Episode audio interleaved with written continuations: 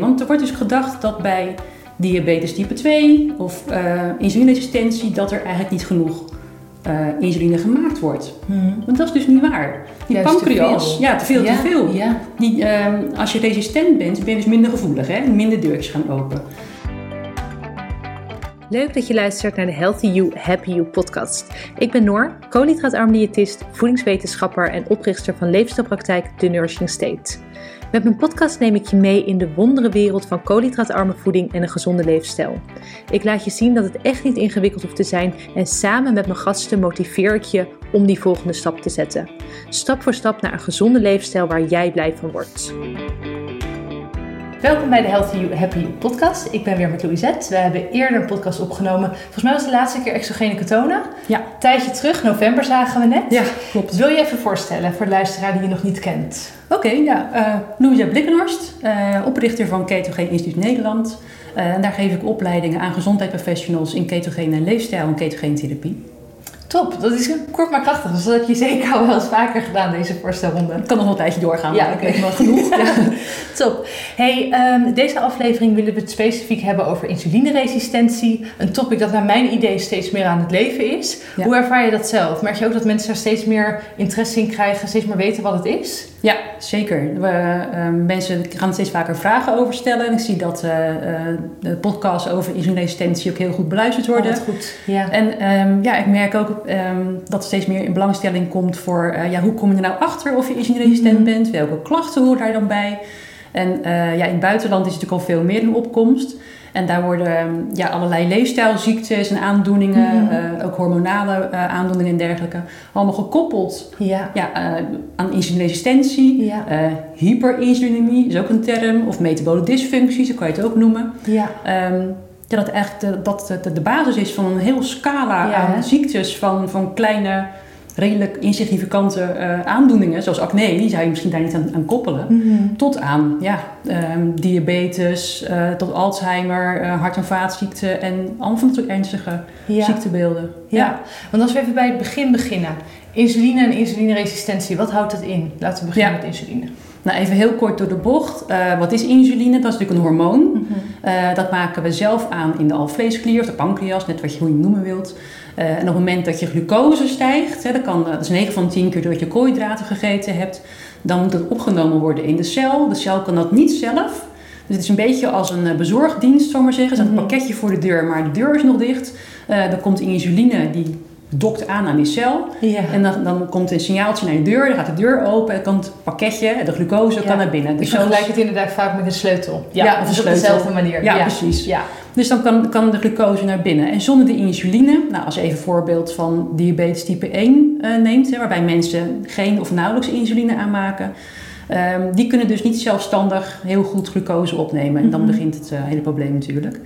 Maar bij insulineresistentie moet je het een beetje zien als um, dat die bezorgdienst niet uh, één keer per dag of drie keer per dag voor de deur staat, maar wel zes of acht of tien keer per dag voor de deur staat. Um, en dat is voor een tijdje helemaal niet erg. Je kan ook uh, fysiologisch insulineresistent zijn, dus met een reden voor het lichaam, ja. wat meestal ook wel weer goed komt. Um, wat, maar, wat, zijn dan voor, voordelen of uh, voorbeelden van fysiologische insulineresistentie? Ja, puberteit, oh. zwangerschap, Ah. En er was er nog één. Volgens mij ook bepaalde um, gedeeltes van de oh, cyclus. Oké, okay, Dus dat zijn eigenlijk de, de situaties in het lichaam waarbij er extra groei nodig mhm. is. Dus dan moet de uh, energie herverdeeld worden. Ja. En dan komt insulineresistentie. Het is eigenlijk een tool van het lichaam om te zorgen dat een bepaald deel minder energie krijgt en een ander deel meer energie. Oh, dat is gewoon een regelsysteem. Ja, wat goed. Ja. En dat gaat vanzelf ook weer over zodra die situatie voorbij is. Dus zodra dus het kind geboren is, zodra je door de puberteit heen bent, ja. dan uh, moet dat als het goed is weer herstellen. Ja, maar dat is dus de wenselijke situatie, eigenlijk ook de natuurlijke situatie. Wanneer is het onnatuurlijk? Ja, nou ja, um, dat wordt heel vaak in verband gebracht met, um, uh, ja, met voeding. Hè? Als je mm -hmm. te veel, te vaak koolhydraten eet, dan gaat die glucose veel te vaak per dag omhoog. Uh, dan moet er te veel insuline steeds bijkomen en dan krijg je een beetje het effect als ik zeg altijd maar, stel je voor dat je buurjongetjes hebt die iedere keer komen een belletje trekken bij je. Ja. ja. ik vind dit een goede, goed voorbeeld zo met die met de voordeur. Ja. ja, precies. Die komen iedere keer een belletje trekken en op een gegeven ogenblik word je daar knettergek van. Mm. Um, en dan zet je die bel maar uit. Ja. Dan denk ik zo, rust. Ja. Nou, dat doet die cel ook een beetje. Je wordt als het ware ja, doof voor de eh, Mhm. signalen van insuline. Ehm, de deur gaat niet meer open. Of we gaan eigenlijk, we hebben het over één deur, maar het gaat eigenlijk over tientallen deurtjes. Hè? Dus in plaats van dat er twintig deurtjes open gaan, gaan er nog maar vijf open, Ja. bijvoorbeeld. Dat betekent dat insuline ehm, de, de, de boodschap niet meer goed kwijt kan aan die cel. Dus die cel die, die reageert niet meer zo goed. Eh, waardoor glucose niet goed binnengelaten wordt. Dat betekent dat in het bloed glucose hoog blijft. En dat kan je natuurlijk meten hè, in het bloedonderzoek. Ja. Maar ook insuline. Nou heeft het lichaam zelf een oplossing voor als er te veel glucose in het bloed zit. Mhm. Dan kan het ervoor zorgen dat die glucose, ehm, hè, die niet opgenomen wordt in de cel, het overschot van die glucose natuurlijk, dat dat naar de lever gaat en die zet het om in vet. En die slaat het dan op in vetlagen. Ja. Dus dat is hoe je van suiker dus dik kan worden. Mhm. Dat je er vet van wordt. Ja. Dat is een ander probleem, daar hebben we het nu even verder niet over. Maar Maar het eh, kan wel vaak al een uiting zijn Ja. van dus eh insulineresistentie, toch? Ja. Aankomen in gewicht. Ja. Zeker, ja. Ook die mensen die zeggen van nou, ik heb alles al geprobeerd. Mhm. Ik, eh, ik let op mijn calorieën. Ik Ja. sport extra veel, maar er gaat geen kilo vanaf. Dan denk ik dat je die hoek moet zoeken. Ja, ja. Ja. Maar goed, die insuline moet ook ergens heen. Want er wordt dus gedacht dat bij diabetes type 2 of eh insulineresistentie... dat er eigenlijk niet genoeg eh, insuline gemaakt wordt. Mhm. Want dat is dus niet waar. Die Juist pancreas, ja, te veel, ja, te veel. Ja. Die, ehm, als je resistent bent, ben je dus minder gevoelig. Hè? Minder deurtjes gaan open. En die ehm eh, pancreas krijgt steeds het signaal vanuit de hersenen van... joh, er is nog heel veel glucose. Kom op met die insuline. Maak nog een beetje bij. Produceren, produceren, Ja. produceren. Ja. Dus waar je normaal een vingerhoedje nodig hebt... heb je nu een, een maatbeker nodig of misschien wel een emmer. Dus eh, die pancreas die, die produceert wel. ja. Maar het, het werkt niet meer zo goed. Mhm. Dus die insuline is dus in het bloed heel hoog aan het worden, langzaam Ja. maar zeker. En dan zie je op een gegeven ogenblik dat ehm, om de bloedsuikerspiegel te reguleren, was er eerst een klein beetje insuline nodig. Dan ging hem omhoog, omhoog, omhoog. En op een gegeven ogenblik is dat exorbitant hoog. En dat noemen we hyperinsulinemie. Mhm. Veel te hoge insulinewaardes eigenlijk. Ja. Helemaal niet erg als je dat voor een paar dagen hebt, of voor een week of af en toe. Maar als je dat jaar in jaar uit hebt, hè, dan hebben we het echt over 10 jaar, 20 jaar, whatever. Dan eh, kan het dus wel een probleem zijn. En dan is juist die hoge insulinewaarde een groter probleem dan hoge glucosewaarden. Ja. Maar als je naar de dokter gaat en je zegt: voel me niet lekker, ben moe, Mhm. misbank in mijn hoofd, eh, een beetje klachten hier, klachten daar. eh, dan krijg je een standaard bloedonderzoek, wordt nuchter glucose gecheckt. Ja. En dan zeggen ze: oh, nou, meneer, mevrouw, u heeft nuchter 5,4, 5,6, of nou, een beetje hoog, misschien 5,9. Een beetje randje misschien. Ja. Ja. Maar Ja. niet alarmeren, dus je wordt naar huis gestuurd. Dus niks aan de hand. Ehm, ja, misschien moet je ermee wennen, of is het vast stress? Ja. Ook 9 van 10 keer is gewoon stress. Wat die dokter dus niet doet, eh, dat is niet het schuld van de dokter overigens, maar wat gewoon niet gedaan wordt, Ja. Is dat ook insuline gecheckt wordt. Mhm. En ehm, als je dat zou gaan controleren bij mensen, dan zie je dat als ze eh, nuchter al een verhoogde bloedsuikerspiegel hebben, dus die 5,8 bijvoorbeeld, Mhm. dat daar misschien niet zo'n klein beetje insuline nodig was, maar dat er misschien wel zoveel insuline nodig was. Ja. En dat wordt niet gezien. Nee, dus je ziet uiteindelijk alleen maar een soort van ja, het, eh, het puntje van de, of de Ja. tip of the iceberg. Maar je ziet niet wat voor enorm insuline eh, nou ja, situatie daar mogelijk onder zit. Ja, Hoe komt het, denk je, dat we zo, ons zo blind staren binnen de gezondheidszorg op glucose en eigenlijk nauwelijks wat met insuline doen? Ja wie dat ooit bedacht heeft, Ja, weet ik ik, niet. ik heb echt geen idee waarom we daar niet meer mee doen. Want het is eigenlijk, nou ja, wat je ook al eventjes kort noemde, het is Ja. het, het, ehm, de, de oorzaak van heel veel klachten die we ervaren. Serieus en nou ja, misschien in zekere mate minder serieus. Ja. Maar het ligt ten grondslag aan zoveel aandoeningen waar we last van hebben. En eigenlijk zijn we er, ondanks dat we er steeds meer mee bezig zijn, is als ik vraag om een insulinetest, nou, ik, dat doe ik ook niet meer, want dat Nee, krijg ik bij nee, ze niet. absoluut niet voor elkaar. Nee, nee. Nee, en als ze het al doen, ehm, wat je nog wel ziet gebeuren langzaam maar zeker, is dat artsen eh, toch iets gehoord hebben en denken van dat moeten we toch maar gaan checken. Ja. Is dat ze wel nuchter glucose en wel nuchter insuline bereid zijn aan Ja. te vinken. Ehm, maar dat het lab zegt van dat doen we niet. Want het is Ah. namelijk te complex. Je moet namelijk, het duurt twee weken. Je moet het speciale behandeling geven. Dus een Ja. dure, ingewikkelde test. Maar goed, als je dan toch een lab vindt die het wel wil doen, Mhm. dan meten ze nuchter glucose, nuchter insuline. Dan komt er een bepaalde ratio uit. Hè? Dus je moet een bepaald rekensommetje doen, dan komt er een ratio uit. Dat noemen ze HOMA-IR, de HOMA-test. Eh, en die geeft aan, hè, die, die uitkomst, in welke mate je eh, dus op nuchtere basis insulineresistent bent. Dus hoe lager, hoe beter. Hè? Dus Ja. eh, dat is even het idee. En dat was eh, afgelopen jaren eigenlijk steeds meer de, de gouden standaard aan het worden om eh insulineresistentie in beeld te brengen. Mhm. Maar ja, wat vervolgens gebeurt, iemand is nuchter, eh, prima, weet je, een- een prima waardes, prima HOMA IR. Ja. En vervolgens gaat hij eh d'orange drinken Ja. en een eh, schaal cornflakes eh, Mhm. eten. Of gewoon een normaal Nederlands voedingspatroon, hoef je nog niet eens gekke dingen te doen. En dan blijft toch die vermoeidheid. En ehm, ja, dan, wil, dan wil je toch even gaan kijken van wat, wat doet eigenlijk die pancreas? Hoeveel insuline produceert die om die bloedsuikerspiegel weer onder controle te krijgen? Ja, en dan zie je dingen Ja. die een heel ander beeld geven. ja. Ja, Dus je wil veel meer kijken naar dus insulinerespons dan puur en alleen nuchtere insuline. ja, Ja. ja En je noemde het tussendoor al wel eventjes van oké, wat zijn klachten die je dan kan, dus kan ervaren?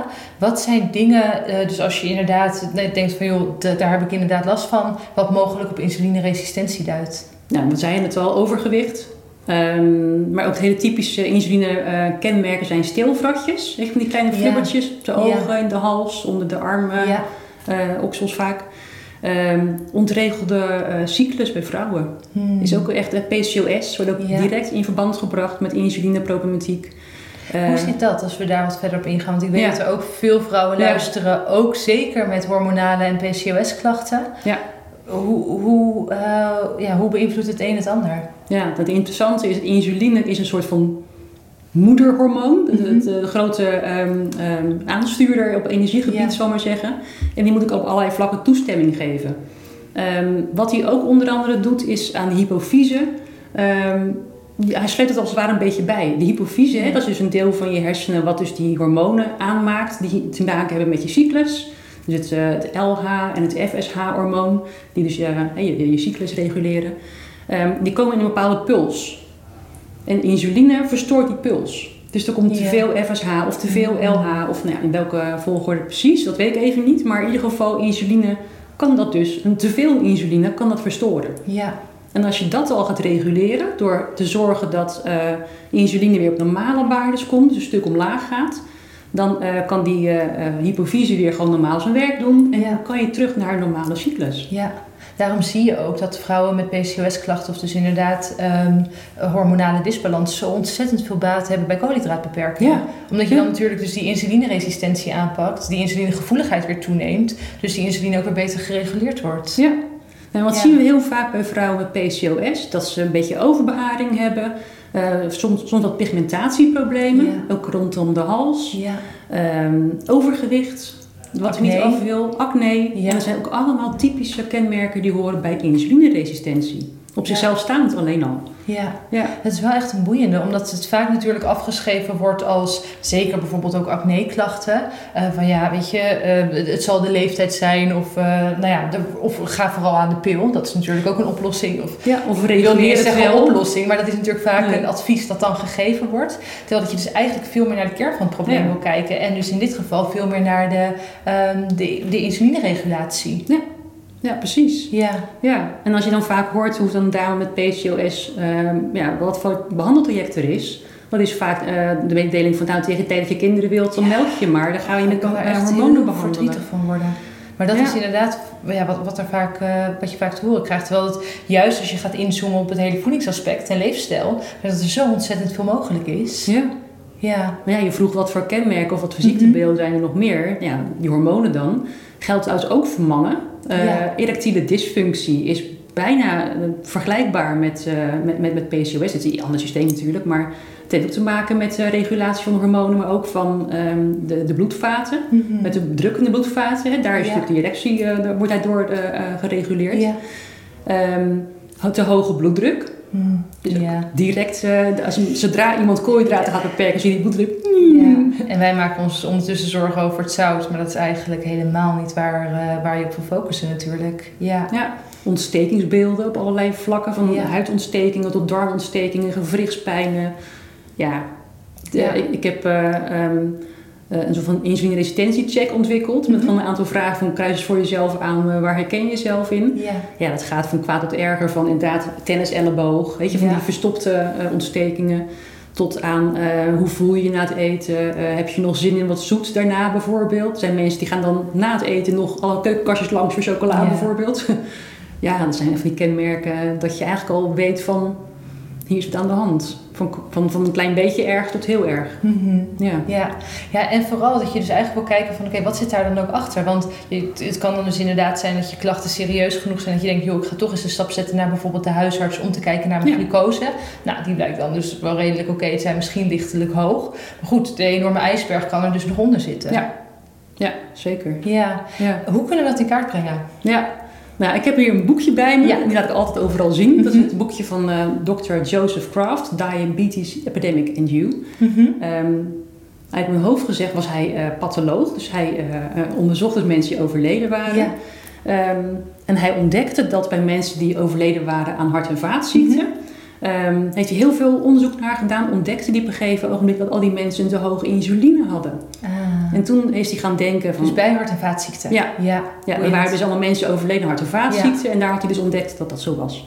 Dus hij is ook bij, gelukkig nog levende mensen, zo'n 14.000, dus niet een paar, maar Oh, echt wauw. een heleboel. Ja. Is hij in de loop van de jaren ehm, ehm, een orale glucose-tolerantietest gaan doen. En dat doen we tegenwoordig in Nederland, of in, in de westerse wereld, bij, bij zwangere vrouwen bijvoorbeeld. Ja. Ehm, normaal gesproken wordt er alleen maar glucose getest. En hij ging dus ook insuline testen daarbij. Ja. Dus hij testte ze nuchter. Vervolgens gaf hij ze eh, ja, een provocatie. Hè? Dus hij lokte een reactie uit door ze 75 gram glucose te geven. Nou, dan ga je echt een Ja. metabole achtbaan in. Dan, dan, eh, ehm, dan ging hij daarna weer meten. Na een half uur, na een uur, na twee uur. In totaal vijf keer, maar iedere keer tussenposes. En dan maakte hij de curves van Mhm. welke waardes hij had gemeten. En er bleek dus dat slechts ja, een heel klein eh, aantal eigenlijk een normale glucose-respons of insuline-respons had. Dus die met een, een klein beetje insuline hun bloedsuiker konden reguleren. Ehm, nou, dat, is, dat, is, dat zou eigenlijk de gouden standaard moeten zijn Ja. om het in beeld te brengen. En dat is eigenlijk wat je van een gezond lichaam verwacht, toch? Dat er maar Ja. een klein beetje insuline nodig is om dus Ja. die, eh, die glucosepiek te reguleren en weer te normaliseren uiteindelijk. precies. Ja, En idealiter zou je dus eh, we doen een nulmeting. Hè? Ja. Iemand, iemand komt binnen, dan, eh, dan doen we insuline en glucose. Ehm, dan gaan we dus die 75 gram glucose geven. En dan verwacht je een enorme piek van allebei. Zowel insuline als glucose. Normaal, hè? ja. Dat kan je verwachten. Maar dan verwacht je eigenlijk ook dat binnen een bepaalde tijd... dat ze allebei weer beginnen te dalen. Mhm. Nou, dat heb ik zelden nog gezien tot nu toe. ja. Ja, bij want jezelf dan? bij mezelf is die wel eh, redelijk goed. Oh. Ja. Ja. Ja, ik ben heel benieuwd, want ik ga Ja. dus in september doen. Ja. Want jij met het Ketogeen Instituut doet deze testen dus. Ja. Eh, ik ben heel benieuwd hoe dat eruit ziet. Ik heb zomaar het idee dat het eh, misschien niet heel best is. Omdat ik dus ook een sensor heb gedragen en daar ook wel echt enorme pieken... Als ik dus wel meer koolhydraten eet, omdat ik natuurlijk koolhydraatarm eet... Eh, wel echt enorme pieken zie. En dan ook echt wel diepe dalen die voorbij de drie gaan of onder de drie gaan. Ik wel benieuwd ben of dat dan ook verband houdt mogelijk dus met mijn insulinegevoeligheid. ja. Nou, Verwacht je dat of niet? Weet ik niet, want jij bent, ik neem aan dat jij koolhydraat, redelijk koolhydraatarm eet. Ja, heel erg. Dat je niet een Nederlands voedingspatroon hebt. Nee. Met, nee, precies. Dan heb je al een iets andere context dan Ja. iemand die een normaal Nederlands voedingspatroon heeft met 250 gram koolhydraten per dag. Want je verwacht dan dus een andere respons. Ja, een iets tragere respons. Ah, Ja. oké. Omdat mijn lichaam... Want daar hebben we het natuurlijk eerder over gehad buiten deze podcast. Dat je dan dus eigenlijk... Of dat, dat er mensen zijn die zeggen van... joh, je zou dan eigenlijk voor de test wel weer wat meer koolhydraten moeten toevoegen... om je lichaam weer een beetje te laten wennen. Was dat, het idee? Ja, dat zou je kunnen doen. En daar heb ik wel eens voor gepleit. Van eigenlijk zou je dan iemand die keto of koolhydraatarm eet... even hè, de, die respons moeten, moeten activeren. Maar je wil ook weten hoe het vanuit jouw normale dagelijks leven... hoe die respons is. Ja, Ja. want dat is precies, dat is de situatie die je natuurlijk normaal doet. Als ik dan wel meer koolhydraten eet, kijk, het zal niet in één keer 75 gram zijn. Maar je bent nog steeds wel benieuwd Ja. hoe je daar dan natuurlijk op reageert. Ja, precies. Ja. dus, eh, ja, en dan zien we dus ehm, verrassend weinig normale Hmm. curves eigenlijk. Ja. Wat, want nou ja, we zeggen ook van oké, het gaat in ieder geval steeds meer leven. Maar wat zijn nu veel mensen die jij dus ziet die dan de, ehm de insuline responstest doen? Ja, heel uiteenlopend. Het zijn voornamelijk dames nog. Gek Ja. genoeg, maar er zitten altijd wel een paar heren tussen. En die komen meestal ehm, met een achtergrond van hart- en vaatziektes. Eh, die toch wel een, een of andere schrik hebben gehad of een, of een, of een incident. Ja. Eh, waardoor ze willen weten van ja, ben ik nu wel goed bezig of niet? Eh, hoe is mijn respons? Hoe metabol gezond ben ik? Ja. Dus dat is best wel een serieuze aanleiding natuurlijk. Ja, even metabole gezondheid. We Ja. hebben het ook eerder Ja. over gehad. Niet iedereen bekent denk ik dat Nee. begrip. Wat verstaan we onder metabole gezondheid? Ja, je energiestofwisseling eigenlijk. Dus je glucose, insuline en andere hormonen. Ja, die eigenlijk de basis zijn van, van de hele regulering. Ja. En daar past dit natuurlijk heel duidelijk bij dat als je bezig bent met je metabole gezondheid, dat je ook wel weet hoe je insulineregulatie is. Ja. Zijn de resultaten opvallend? Omdat je dus ook al aangeeft, ja, eigenlijk bijna geen normale curves. En dan komen ook bijvoorbeeld, eh, we hebben een paar keer een hele jong persoon gehad. Ja. Die er gewoon heel slank uitziet en sportief. En zelfs marathons loopt. En, eh, eh, maar toch een paar kleine klachten heeft. En toch gewoon benieuwd is van, eh, nou vertel mij eens hoe doe ik het. Ja. En die blijkt helemaal geen goede respons Oh, te hebben. En Want dan verwacht je ja. dus eigenlijk dat het een soort van check is van, oh, dan krijg ik lekker een groen vinkje. Dan wordt bevestigd dat ik Ja. gezond ben, maar dat hoeft dus niet zo te zijn. Nee, want ik heb wel eens het idee als mensen dan 's morgens binnenkomen denken, oh die scoort waarschijnlijk hoog, die scoort, die scoort hoog. Maar er zijn dan de typische mensen dat je denkt, oké, die zit een paar kilo te veel aan. Ja. En ik zie, eh, ik zie die, die stilvratjes of ik Ja. zie bepaalde kenmerken. Ik denk, oké, dat zou wel eens hè, het geval kunnen zijn. Maar het kan ook zijn dat die verrassend goed scoren. Mm. Terwijl juist die slanke persoon die eh, zo sportief is, die ernaast zit, een veel slechtere curve laat zien. En die blijkt dan bijvoorbeeld gewrichtsklachten te hebben. Noem maar even wat. Ja, dus dan misschien meer de klachten die niet meteen zichtbaar zijn. Ja. ja. Wat, is de, of wat zijn de klachten of de groep mensen waarvan je zegt van joh, als je dit ervaart, ga eens kijken naar die insulineresponstest. Ja. Ja, ik, ik heb een heel klein insuline checkje staan op mijn Ja. website met 10 vragen. En dan, eh, dan word je daarna ook doorgestuurd naar een vervolg. Maar eh, dat zou je al een beeld kunnen geven van ehm, ja, waar, hoe zou het bij mij eraan toe zijn. En er zijn inderdaad typische dingen als heb je inderdaad een grotere taille om, Ja. omvang. Hè? Dus dan kan je gewoon meer centimetertje meten. Dan kan je nog een rekensommetje op loslaten in combinatie met je lengte. Mhm. Van is die taille-lengte ratio goed? Hoe is het met je energie? Hoe is het met je gewicht? Ehm, ehm, val je in slaap halverwege de film? Noem even een voorbeeld. Dat was dat bij mij vroeger zo. Ehm, heb je een misbank in je hoofd? Hoe is het met je, met je geheugen bijvoorbeeld? Nou, allemaal van kleine dingetjes tot aan, ja, heb je mensen in je familie die bijvoorbeeld Alzheimer hebben? Ehm, hoe is het met je hormonen? Heb je slecht genezende wondjes? Weet je, van die kleine dingen die je misschien niet in verband brengt met je metabolisme, hè, je energiehuishouding. Maar die er dus wel onlosmakelijk mee verbonden zitten. Mhm. Dus Ja. ja, als je, ik zou zeggen, doe eerst online die test. Weet je, en kijk dan eens van, oh, misschien moet ik toch wel eens een keertje eh, kijken of, eh, of er iets aan de hand is. Ja, ja, want dan Ja. heb je ook natuurlijk nog inzichtelijker wat er daadwerkelijk speelt. En dan kun je Ja. ook nog duidelijker Ja. actie ondernemen. Ja, Want als dus inderdaad blijkt van oké, insulineresistentie is aan de orde. Wat zijn acties die je gaat, die je gaat nemen? Ja, die je stap, wil nemen. Stap nummer 1 is de koolhydraatbeperking. Ja, dat is echt het meest logische, want die zijn onlosmakelijk met elkaar verbon- verbonden. Ja, Dus wat je wilt is je insuline verlagen. En de, de sterkste tool daarin is koolhydraatbeperking. Mhm. Dus dat, eh, ik heb toevallig afgelopen half jaar een, een test gedaan met eh, een beginmeting en een eindmeting. Dus eh, twee keer die, die responstest gedaan. En tussendoor het uh, keto leefstijlprogramma. Mhm. Ehm, en dan zagen we inderdaad dat mensen in, bijvoorbeeld op, bij de eerste test in de pre-diabetes stadium zaten. Ja, En bij de tweede meting, nou, dan waren we vier maanden verder. Hè? ja, Gewoon normale bloedwaardes ja, hadden. ja, En dan kan je dat combineren met andere bloedwaardes via de huisarts. Triglyceride, cholesterol bijvoorbeeld. Maar ja, dan zag je al zo'n sterke verbetering, maar ze voelden het ook. Mhm. Meer energie, gewicht was omlaag, eh, tailleomvang was afgenomen. ja. Ook gewoon mooi. meer plezier in het leven. Hè, vrolijker, eh, dingen zijn lichter. Ja, En dan zijn we pas vier maanden verder. precies. Dan Ja. zie je ook hoe krachtig het effect van voeding en van leefstijl kan zijn. Ja. Ja. Zou je ook altijd ehm, keto inzetten of ook koolhydraatarm? Stap 1 is koolhydraatbeperking. Ja. ja dus hè, wat ik zei, insuline en koolhydraten die zijn meteen aan elkaar verbonden. En je Ja. wilt die insuline omlaag hebben en dat begint met koolhydraatarm. Mhm. En dan kan je nog kijken van, is het misschien toch nuttig om nog verder te gaan dat je ketogeen gaat? Ja. Maar dat is niet, niet altijd even, even nodig. Nee, Nee. nee. Dus daar wil je natuurlijk ook een bepaalde nuance in aanbrengen. Want ik denk dat mensen snel denken van... oh, dan moet ik ontzettend laag in mijn koolhydraten zitten. Maar vaak zie je dat juist door nou, de koolhydraten te halveren... dan zit je natuurlijk voor de meeste mensen al echt wel ehm, nou ja, goed in koolhydraatarm. Ja, Dat daar natuurlijk al heel veel winst te behalen valt. absoluut. Ja, en dat je ook wil kijken van oké, wat is voor jou haalbaar? En een beetje de balans voor opmaken van oké, welke output krijg ik met welke input? Dat dat ook een hele belangrijke belangrijk is, toch? Want we kunnen allemaal denken van, oh ja, we moeten allemaal onder die uh, 30 gram koolhydraten zitten. Maar waar voel jij je uiteindelijk het, meest, het, het, meest optimale bij? En wat werkt voor je? Precies. want dat merk je zelf snel genoeg. Ja, ja. ja mooi. Wat is een beetje de, de periode? Want je gaf dus zelf aan van oké, vier maanden kun je echt al een hele hoop verschil merken. Is dat ook wel de periode die je, als je dus inderdaad eerst een insuline-responstest hebt gedaan, je wil ook wel een periode van drie, vier maanden tussen hebben?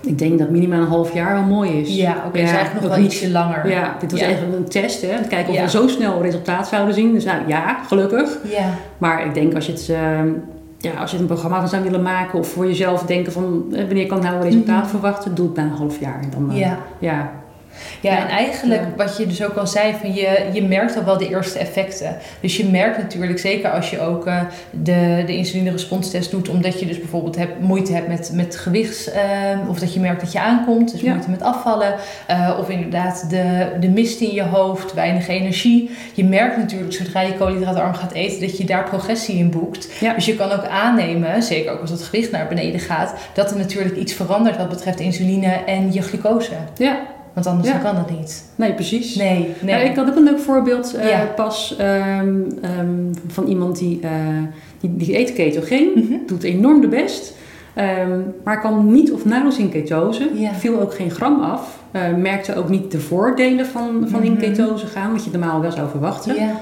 Maar die bleef ook maar 0,4, 0,5 en wil eigenlijk naar boven 0,5 altijd, als je in ketose gaat. Liefst nog een beetje hoger. En dat lukte maar niet. Dus het, nou, die heeft dus die insulineresponstest gedaan. Die heeft dus een, uh, nou, door omstandigheden een heel langdurig chronisch stressbeeld. Hmm. Ja, en uh, dat verhoogt natuurlijk ook je bloedsuikerspiegel en daarmee de insulinerespons. Als je dat maar jaar in jaar uit hebt, dan kan ook dat bijdragen ja. aan ja, aan die metabole uh, disbalans die er ontstaan is. Ja. ja. want we zeggen natuurlijk enerzijds koolhydraten, anderzijds speelt stress en cortisol natuurlijk ook een hele belangrijke rol in je uh, glucosestofwisseling. Is zij toen ook concreet daarmee aan de slag gegaan? Nou, het is wel heel recent, maar inderdaad uh, is ze daar wel mee, uh, mee, mee, bezig. Ja. ja. En dat is boeiend. Dat zien wij ook wel echt in de begeleiding terug. Kijk, je kan je voeding helemaal goed doen, maar als andere componenten, bijvoorbeeld stress en slaap, of juist te veel beweging, als dat allemaal, ja, als daar geen goede balans in is, dan is het toch een beetje dweilen met de kraan open. Ja. En dat is wel wonderlijk, omdat mensen denken, ja, maar ik zit zo op mijn voeding en ik, zit, ik ben hartstikke goed bezig met keto. Ja. maar de, de leefstijlpuzzel is wel groter dan puur en alleen het voedingsaspect. Ja. Het is een hele sterke, maar niet ja, alles. Nee. nee. Dus ik vind dat ook wel boeiend dat dat dus ook naar, aan het licht kan komen met dus zo'n um, ja. insulinetest. Van, weet je, je ja. kan nog zoveel goed doen wat betreft voeding, maar juist ook naar het bredere plaatje kijken. Dat dat gewoon heel erg belangrijk is. Ja, en ik dacht nog, jij had het over de, uh, die continue glucose sensor, ja. het sensor. Ik heb die zelf ook een paar keer gedragen. Ja. En uh, ja, in naam van wetenschap heb ik van alles gegeten wat fout is. Ja. Heb ik ook gedaan. Ja, ja, taart gegeten. Ja, lekker dan, gepiekt. En in ketose en dan uh, bijvoorbeeld uh, op een nuchtere maag in de middag een ijsje met slagroom eten. Kijken wat dat voor effect heeft. Nou, een nuchtere maag? Oh. Ja. Hoeveel, nou, hoeveel ging je? Twaalf. Ja, oké. Okay. nou, ik ging niet nuchter, ook al richting de twaalf met taart. Ja. ja, maar ik zag wel dat ik nou, binnen het uur weer terug was op het uitgangspunt. Oké, okay, nou, dat zit wel goed. Ja. En toen viel mij ook op, als ik dan um, met een van mijn kinderen ruzie had bijvoorbeeld, ja. emotionele stress, dat ik ook mijn bloedsuikerspiegel omhoog en die bleef dan ook een tijdje hoog. Ja. En die ging maar heel langzaam omlaag. Dus die ja. emotionele stress heeft bij mij een veel groter effect eigenlijk. En houdt dus ook langer aan. Houdt langer je aan. ziet. Ja, boeiend. Ja, terwijl deed dat. Precies. Omhoog, omlaag. Ja. En die, die cortisol... ijs eten dan ruzie maken. ik vind dat een hele goeie. Ja. toch wat dat betreft. Ja. Als je toch dezelfde piek hebt en je gaat sneller weer naar beneden met ijs. Maar een ijsje eten terwijl je stress hebt, is misschien dubbel. dubbel dan heb je echt problemen. nee, maar dat is, dat is zeker een boeiend, uh, boeiend aspect. Want ik zie dat en bij cliënten en ook bij mezelf. Als ik inderdaad een, een uh, dag heb die meer stressvol is, mijn bloedsuiker is gewoon hoger. Het is een stuk lastiger om hem dan te stabiliseren. En wat je ook ziet is, um, dat ik het met Niels over met een van onze diëtisten. Die had hem op terwijl dat die ademhalingsoefeningen deed. En die zag hem echt gewoon binnen een kwartier volgens mij een punt naar beneden gaan. Ja. Het is zo wonderlijk. Om dus ook, en dat, dat vind ik ook het mooie aan de sensor, om dus inzichtelijk te krijgen van oké, wat kun je daadwerkelijk um, nou ja, ook doen met andere leefstijlinterventies naast dus voeding. Kijk, voeding zie je natuurlijk heel mooi daarin terug, maar ook andere factoren. Ook als je slecht zeker. slaapt, s'nachts wakker wordt, dan heeft dat natuurlijk ook effect op, op je, uh, je bloedsuiker en daarmee ook je insuline.